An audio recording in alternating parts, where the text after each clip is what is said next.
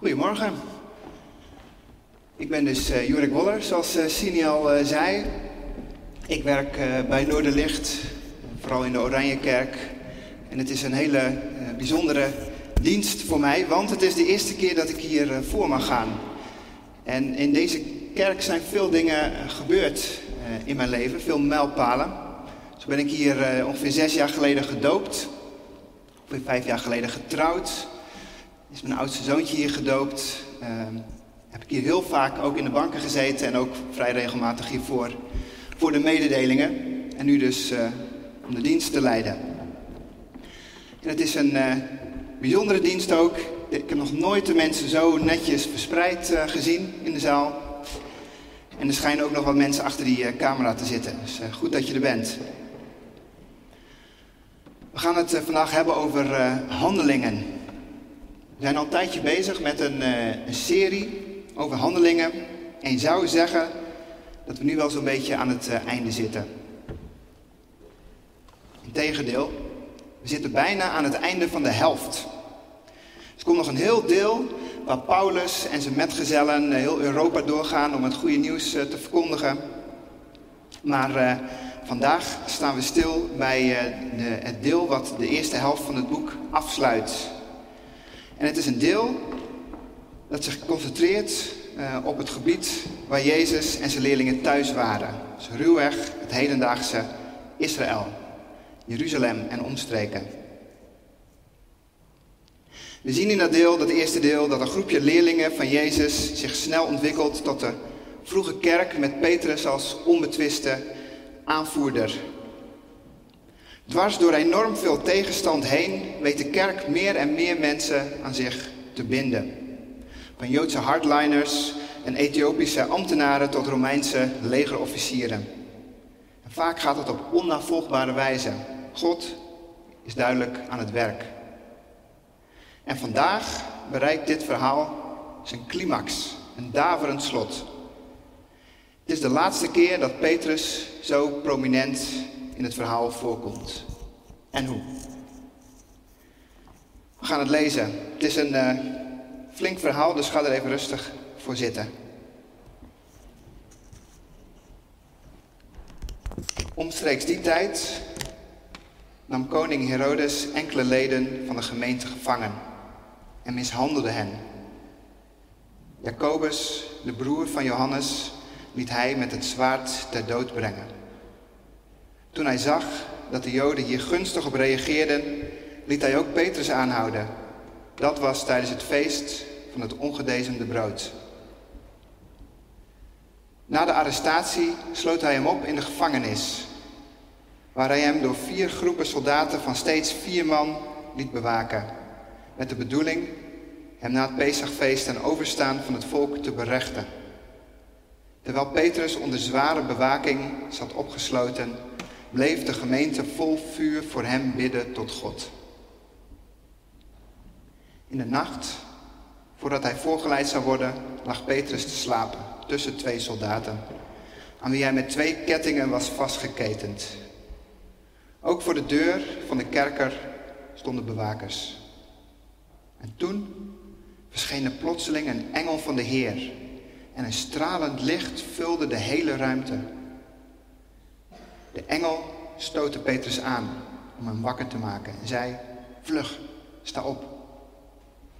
Meteen vielen de ketens van zijn handen. De engel zei tegen hem: Doe je gordel om en trek je sandalen aan. En dat deed hij. Daarop zei de engel: Sla je mantel om en volg mij. Petrus volgde de engel naar buiten, maar zonder te beseffen dat de dingen die de engel liet gebeuren werkelijk plaatsvonden.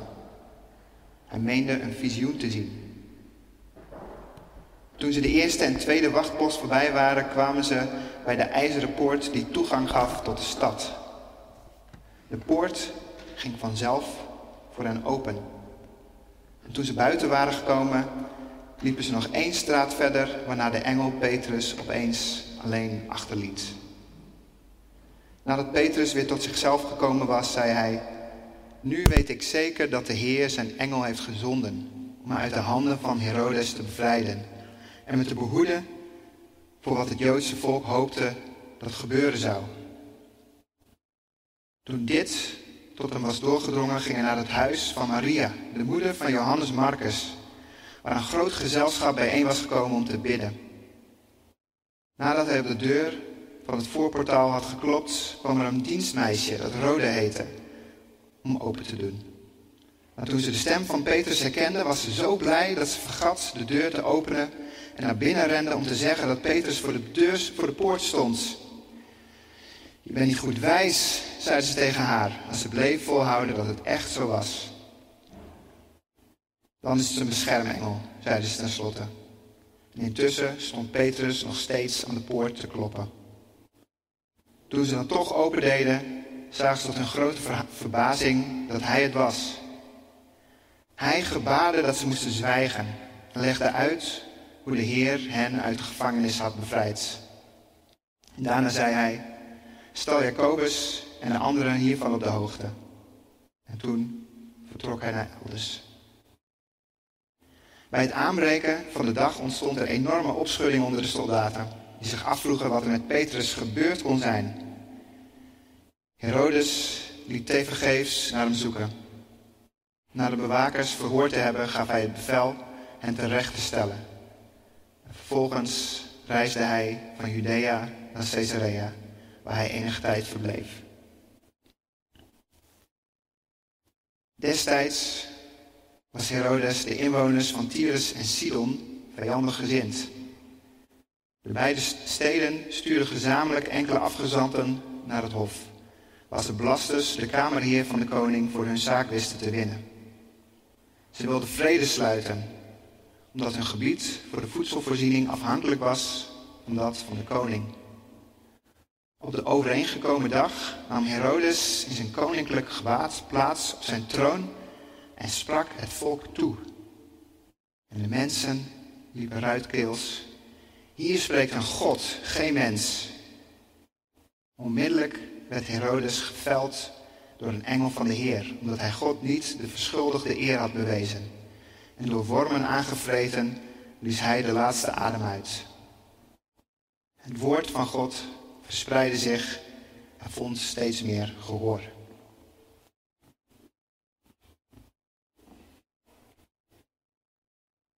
Zo, dat is best een goed verhaal, toch? Ik denk dat je hier een mooie film van zou kunnen maken. Het heeft alles in zich voor een vermakelijke avondje bioscoop. Een good guy, Petrus, met wie je goed mee kunt leven. Een bad guy, Herodes, die niet alleen heel vreed is, maar ook nog eens verschrikkelijk ijdel. Een zwaar bewaakte gevangenis vol soldaten, spanning, geweld en een goede dosis humor. En om het af te maken is er ook nog een mysterieuze persoon die de situatie opeens helemaal om kan keren.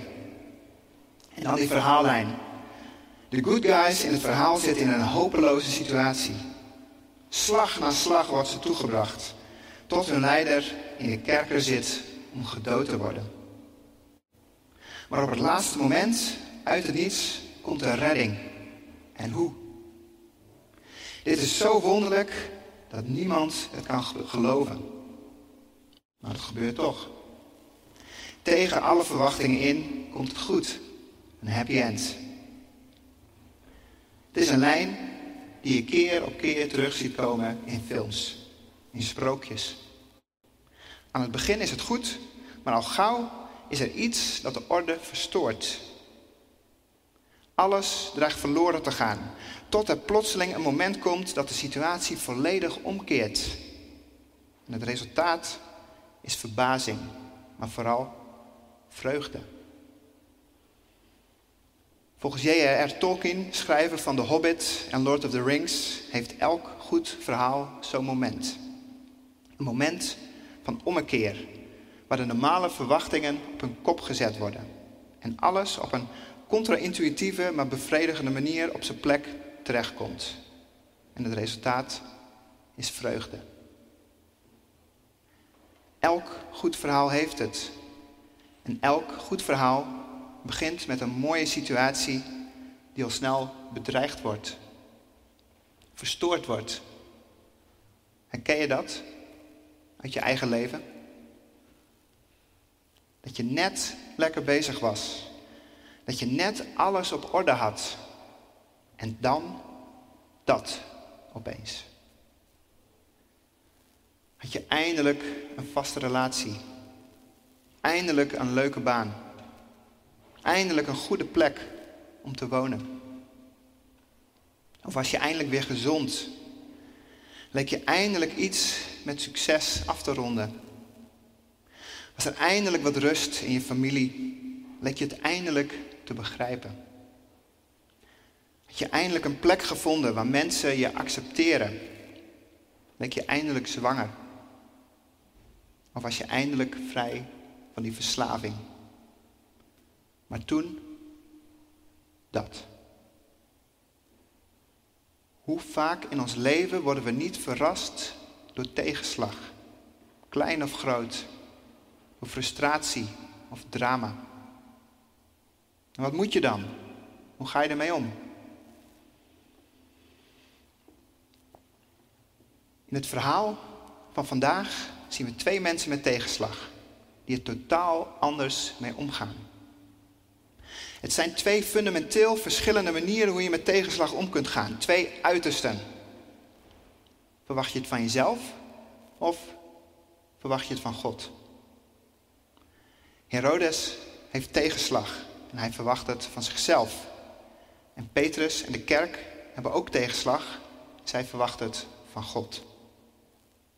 Laten we naar kijken, één voor één. En tot slot naar die mysterieuze derde hoofdpersoon, de engel van de Heer. Want die kan ons iets leren over wat er gebeurt als je het van God verwacht. Dus Herodes, die het van zichzelf verwacht. Petrus en de gemeente, die het van God verwachten. En de engel van de Heer, die, die ons iets van God laat zien. Maar dus eerst Herodes. Als je wat vaker in de Bijbel leest, is het je misschien wel opgevallen. Die Herodes die gaat maar niet weg. Het is net een soort veelkoppig monster dat je maar niet dood kunt krijgen. En dat klopt ook, want er zijn veel Herodesen. Dit is al de derde Herodes die we tegenkomen. Voluit heet hij Herodes Agrippa I. Zijn grootvader was Herodes de Grote, waarvoor Jezus vlak na zijn geboorte op de vlucht moest. Zijn, zijn oom was Herodes Antipas, die Johannes de Doper liep vermoorden en meewerkte aan Jezus' kruisiging. En nu dus Herodes Agrippa, de eerste, koning van het Joodse gebied. Nou ja, koning.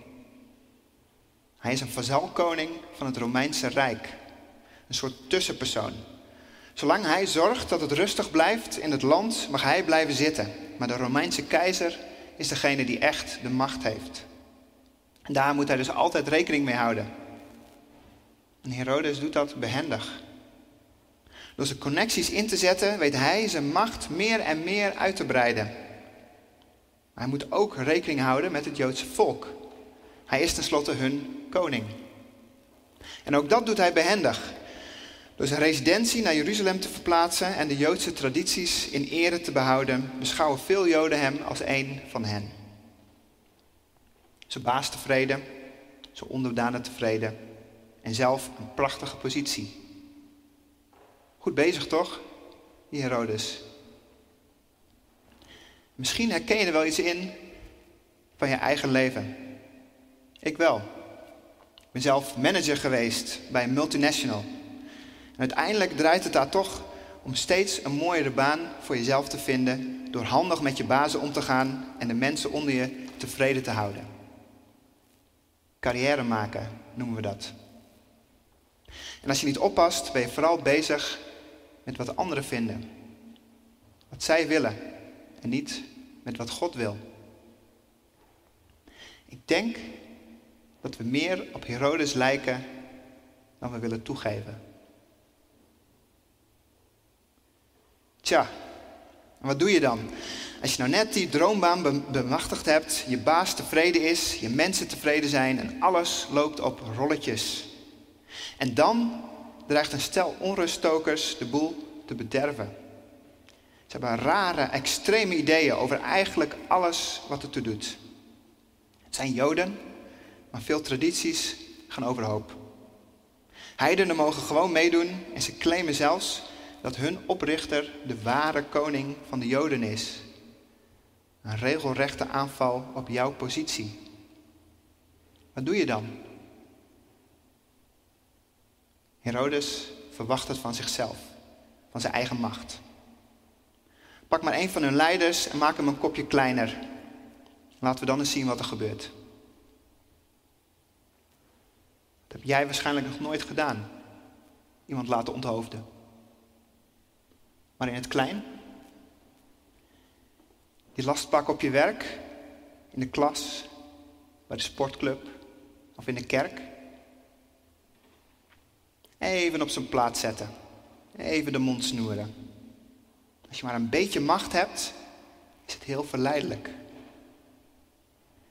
Maar dat maakt je ook kwetsbaar. Hoe zal de rest reageren? Krijg je een schouderklopje of opeens allemaal kritiek? Herodes krijgt de handen op elkaar. En dus neemt hij een grotere stap. De grote leider van die onruststokers gevangen nemen. En ter dood veroordelen. Deze keer met een mooie show. Dat zal veel likes opleveren. Je eigen positie veiligstellen en het oordeel van mensen om je heen gaan vaak samen. En dat maakt het zo onzeker. Opeens kunnen mensen zich tegen je keren en hoe hoger je komt, hoe harder je kunt vallen. Herodes lukt het. Hij blijft aan de top staan. En hij doet wat veel mensen aan de top zo graag doen. De dingen zo organiseren dat zij alle eer krijgen. En dat krijgt Herodes. Mensen noemen hem zelfs een god. Waarschijnlijk hebben mensen jou nog nooit God genoemd. Maar het klinkt niet slecht, toch? Is dat niet stiekem waar je vaak op uit bent? Dat je, mensen, dat je dingen zo zegt, dat je dingen zo doet, dat mensen je prijzen. Een compliment geven. Of tenminste een duimpje of een hartje. Een groot deel van onze maatschappij werkt zo. En sommige mensen zijn erin gespecialiseerd. Topsporters, artiesten, influencers. En soms gewone mensen die iets bijzonders doen en viral gaan. Mensen worden op een voetstuk geplaatst. Mensen die het helemaal zelf gedaan hebben. En daarom ook zelf alle eer verdienen. Het zijn twee kanten van dezelfde medaille. Je verwacht het van jezelf. En als je dan succes hebt, dan verdien jij natuurlijk alle eer. Maar iedereen die succes heeft gehad, weet hoe vluchtig het is. Hoe kwetsbaar. En hoe leeg. Vaak word je vanzelf op je plek gezet. Door iemand die net iets sneller, beter of hipper is dan jij. En soms grijpt God in. Hoewel Herodes de koning van de Joden is, lijkt hij niet bezig met de God van de Joden. Hij verwacht het van zichzelf, heeft graag alle eer voor zichzelf. Het draait allemaal om hem.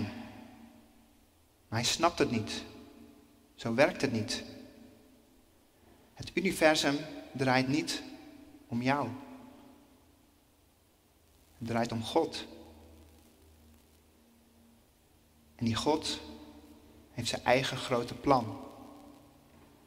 Als jouw plan daar lijnrecht tegen ingaat, zoals Herodes met zijn plan om Petrus te doden, dan kan God zomaar ingrijpen. En die God verdient alle eer. En als jij jezelf op de plek van God zet en jezelf die eer laat toekomen, zoals Herodes, dan kan God zomaar ingrijpen. We lijken veel meer op Herodes dan we willen toegeven. We verwachten het van onszelf, maar we mogen het van God verwachten. Petrus en de gemeente verwachten het wel van God. Niet dat dit nou zulke moreel superieure mensen zijn. Ze hebben het geleerd met vallen en opstaan. Denk aan Petrus in de Evangeliën. Hij wil vaak het heft in eigen handen nemen. Hij heeft grote woorden over zichzelf. Maar als het erop aankomt, is hij doodsbang voor het oordeel van anderen. Maar hij heeft God leren kennen. God leren vertrouwen. En de situatie helpt ook mee. Als je situatie echt uitzichtloos is, als je zelf echt machteloos bent, dan zul je eerder God om hulp vragen. Het kan niet anders. Herken je dat? Ik wel. Als het even kan, probeer ik mezelf te redden. Maar als ik echt vastloop, dan zoek ik het bij God. Hoe moeilijk is het om je op God te richten als alles wel lekker loopt?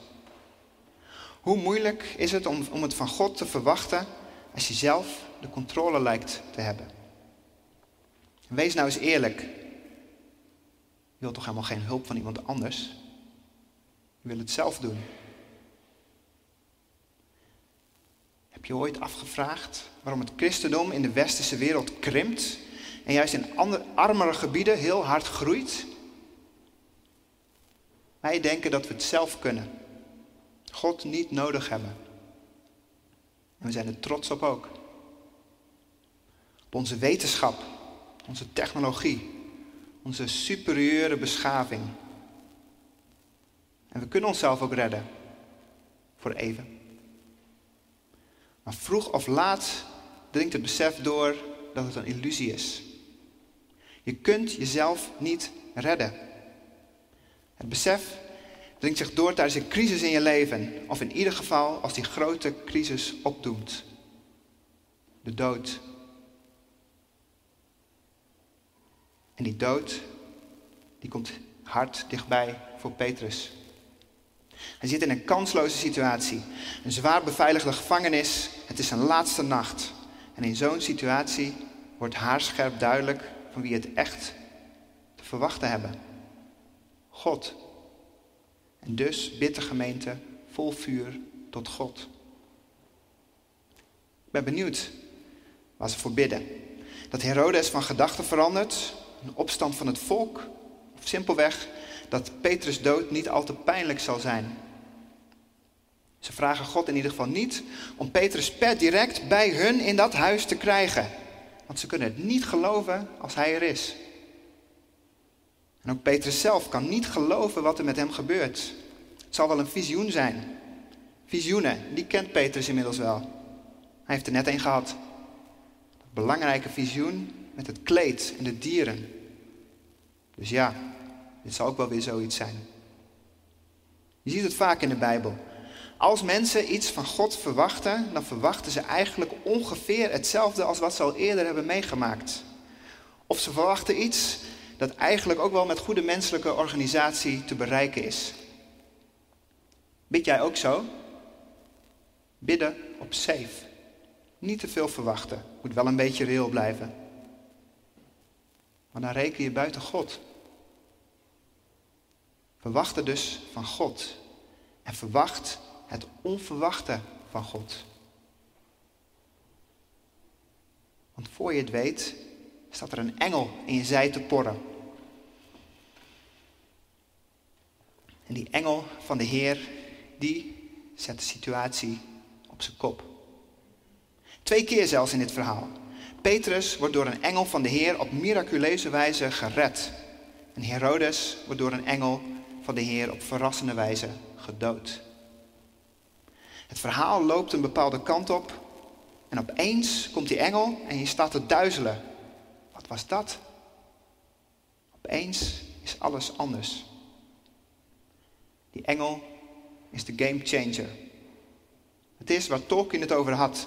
Zo'n moment waarin alles totaal verkeerd lijkt te lopen en opeens op onnavolgbare wijze komt alles op zijn pootjes terecht. Tolkien heeft er een term voor bedacht. Eu-catastrofe. Catastrofe, een verschrikkelijke ramp waar alles opeens in puin ligt. Maar dan met het voorvoegsel eu, wat goed betekent. Een goede ramp, de wereld op zijn kop. Dat kan alleen van God komen. En je ziet het vaak gebeuren in de Bijbel. Een uitzichtloze situatie waar God zelf ingrijpt en alles weer rechtzet. En vaak zijn er engelen bij betrokken. En volgens Tolkien is er in het grote verhaal van de mensheid, dat ook jouw verhaal is, zo'n eu-catastrofe. Het lijkt steeds maar niet goed te komen met de mensen. De dood heerst. Maar dan een verrassende wending. Een engel verschijnt op bijna exact dezelfde manier als in de tekst van vandaag. Plotseling en omgeven door stralend licht van de Heer.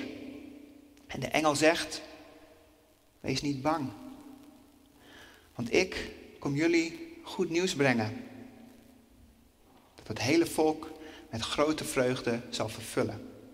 Vandaag is jullie redder geboren. Hij is de Messias, de Heer. De eu-catastrofe van de mensheid, het moment waarop onze hopeloze situatie, die onvermijdelijk eindigt in de dood, opeens omkeerde, was de geboorte van Jezus Christus. God zelf stapt in het verhaal van de mensheid. En hij zet alles recht. Het gaat niet makkelijk. Uiteindelijk zal het hem zijn leven kosten. Maar ook in het verhaal van Jezus zit weer zo'n onverwachte wending. De dood blijkt niet het eindstation. Jezus staat op uit de dood als eerste. En iedereen die op Hem vertrouwt, zal Hem volgen. Het verhaal van Jezus is volgens Tolkien het ultieme verhaal waar alle andere verhalen naar verwijzen. En zo is ook het verhaal van vandaag een echo van het verhaal van Jezus. En wel een heel sterke echo, met verbazingwekkend veel overeenkomsten. Kijk maar eens na. Weer wordt iemand die bij Jezus hoort onthoofd door een koning Herodes. Weer is het met het Pesachfeest, het feest van bevrijding, dat het kopstuk van de beweging wordt opgepakt. Weer moet hij gedood worden in een show voor het volk. Weer lijkt alles verloren, maar is daar opeens een engel met goed nieuws. Weer wordt diegene op wonderbaarlijke wijze bevrijd. En weer is het de laagste in aanzien die het als eerste doorheeft. Een vrouw natuurlijk. En weer wordt ze niet geloofd. Weer zijn de leerlingen samen in een ruimte. En weer komt degene die bevrijd is in hun midden. Weer is het maar voor korte tijd en is hij zomaar weer verdwenen. En weer markeert het het begin van een nieuwe fase in het grote plan van God. Het verhaal van Gods onverwachte wending, onverwachte redding keert terug. Steeds weer. In het groot en in het klein. Ook in jouw leven. Ook in mijn leven. Ik heb het zelf meegemaakt. En het enige wat je hoeft te doen, is het van God verwachten. Niet van jezelf, maar van God. Natuurlijk, er gebeuren dingen die je niet wilt, die je niet begrijpt. Ook in dit verhaal. Waarom wordt Jacobus niet gered, maar onthoofd? Moest die Herodes nou zo hard gestraft worden? Ik weet het niet. Maar ik weet wel dat we een volmaakt goede God hebben. Een reddende God. Met een plan dat ons verstand te gaat. En wat er ook gebeurt, dat plan gaat door. Het verhaal eindigt met het woord van God verspreidde zich en vond steeds meer gehoor. En zo is het ook ons leven binnengekomen. Het plan voltrekt zich hier, hier en nu. En jij kunt eraan meedoen. Door het niet van jezelf te verwachten. En zelf de eer proberen te krijgen, maar door het, door het te verwachten van God. Door het niet om jou, maar om Hem te laten draaien. Hoe je dat doet? Door te bidden. Alleen of samen. Sereen of vol vuur. Als het slecht gaat of als er niks aan de hand lijkt. En je mag grote dingen vragen aan God. En toch zal God je verrassen. Het zou zomaar veel mooier, groter, liefdevoller kunnen worden. Verwacht het onverwachte van God. En je komt waarschijnlijk een beetje in de buurt. Amen.